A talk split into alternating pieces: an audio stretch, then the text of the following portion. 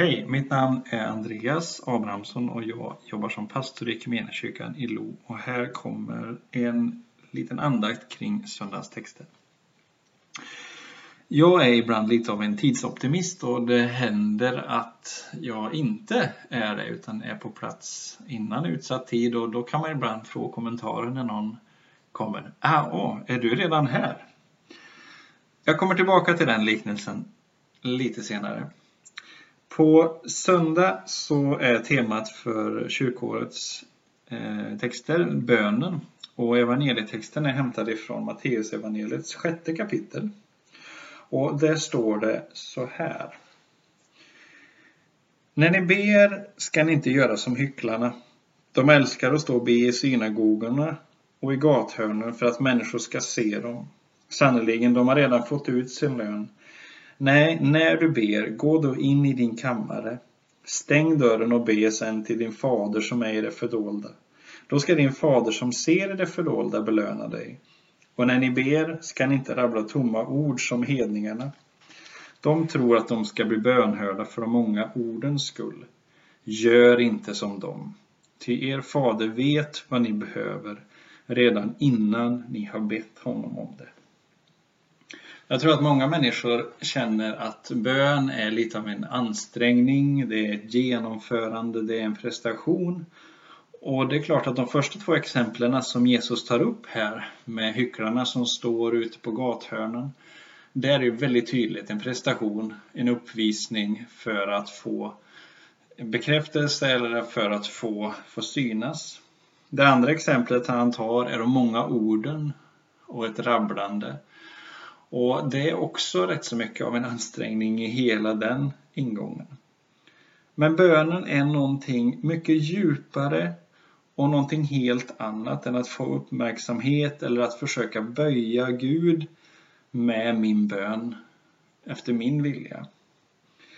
Alltså, det är ju inte så att, att min bön förändrar Gud. Eller jag kan forma Gud efter mitt tycke och smak. Utan istället så är den sista versen här väldigt viktig. när Jesus säger Gör inte som de andra eftersom er fader vet vad ni behöver redan innan ni har bett honom om det. Alltså Gud vet vad vi behöver redan innan vi har bett honom om det. Och då är det en relevant fråga, men varför ska vi då be om han redan vet vad vi behöver? Och det kanske är just det här som sätter fingret på det hela. Det är inte Gud som förändras av min, min bön. Istället så är det jag som förändras. Och här har vi söndagens episteltext som kanske är en av de vackraste beskrivningarna av vad bön är och som verkligen inbjuder till den här ständiga närvaron i vårt inre. Och den är hämtad ifrån Romarbrevets åttonde kapitel från vers 24 till 27 och då står det så här. I hoppet är vi räddade. Ett hopp som man ser uppfyllt är inte något hopp. Vem hoppas på det han redan ser? Men om vi hoppas på det vi inte ser, då väntar vi uthålligt. På samma sätt är det när Anden stöder oss i vår svaghet. Vi vet ju inte hur vår bön egentligen bör vara, men Anden vädjar för oss med rop utan ord. Och han som utforskar våra hjärtan vet vad Anden menar, eftersom Anden vädjar för de heliga så som Gud vill. Det här är enormt stort. Att den som har döpts har fått tagit emot den helige Ande, får vara bärare av Guds egen närvaro i sitt inre. Och här är bönen ständigt pågående, får vi beskrivet för oss i den här texten. Att anden stöder oss i vår svaghet. Vi vet inte hur vår bön egentligen bör vara. Alltså djupast sett så förstår vi inte vad vi behöver be om. Ibland så får vi hintar och vägledning. Men detta är någonstans, alltså vi är ledda av någon som är mycket större, mycket mer kärleksfull, mycket mer vis. Och här blir vi ledda av anden i bönen.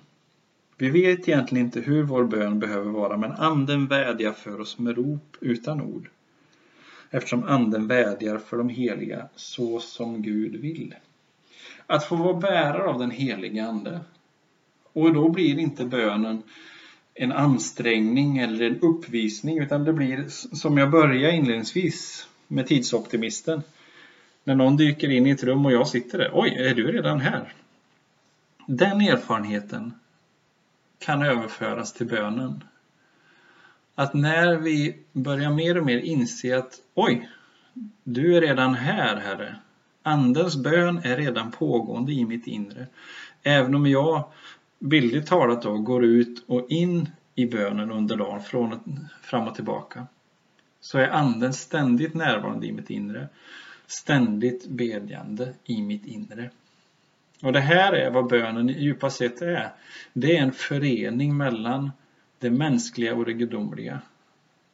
Precis som Jesus antog mänsklig gestalt och kom till vår planhalva här för att rädda oss ifrån mörker, från synd och från död.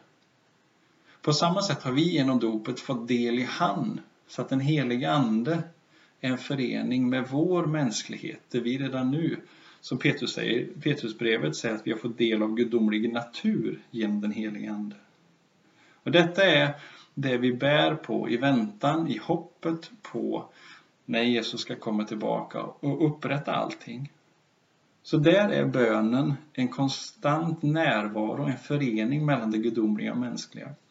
Och Gud forcerar aldrig en människas vilja. Och den första texten visar det, att redan innan vi ber om någonting så vet Fadern vad vi behöver. Och Det här visar också att Fadern är så respektfull mot vår vilja. Han kör inte över, han forcerar aldrig en människa utan han inväntar vårt ja till att låta oss ledas av honom.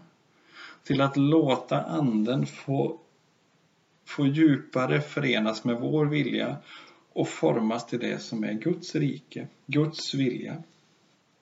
Så därför så väntar Gud respektfullt på mitt ja. Och det här föder tillit till honom. Att Gud inte kommer liksom driva mig mot någonting jag inte vill, utan han väntar på mig. Och Den här texten som vi hittar i Matteusevangeliet, den är som en introduktion in till vår Fader. Den bönen som Jesus lärde lärjungarna och som liksom ger skelettet för en livsriktning som en, en kristen är skapad och kallad till att leva i. Och i den här eh, i den livsriktningen så inser vi att vi kan inte liksom förvänta oss gå in i det där och böja Gud efter våran vilja. Istället så är det en djup förening med Faderns kärlek, vem han är, som också gör att vi formas till likhet med Jesus. Jesus själv har ju liksom personifierat hela den bönen, hela det livet som han ber om. Det ser vi i Jesu eget liv och det är det som vi är kallade till.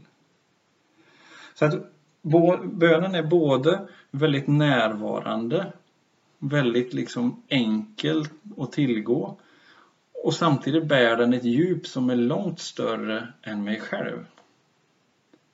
Så att bönen är aldrig längre bort än att, att vända, vända sig till Gud och upptäcka att han är redan där. Han ber redan genom mig. Och ett par olika sätt som som vi kan ansluta till det här, det ena är att stämma in i den bönen som Jesus lärde oss, vår Fader.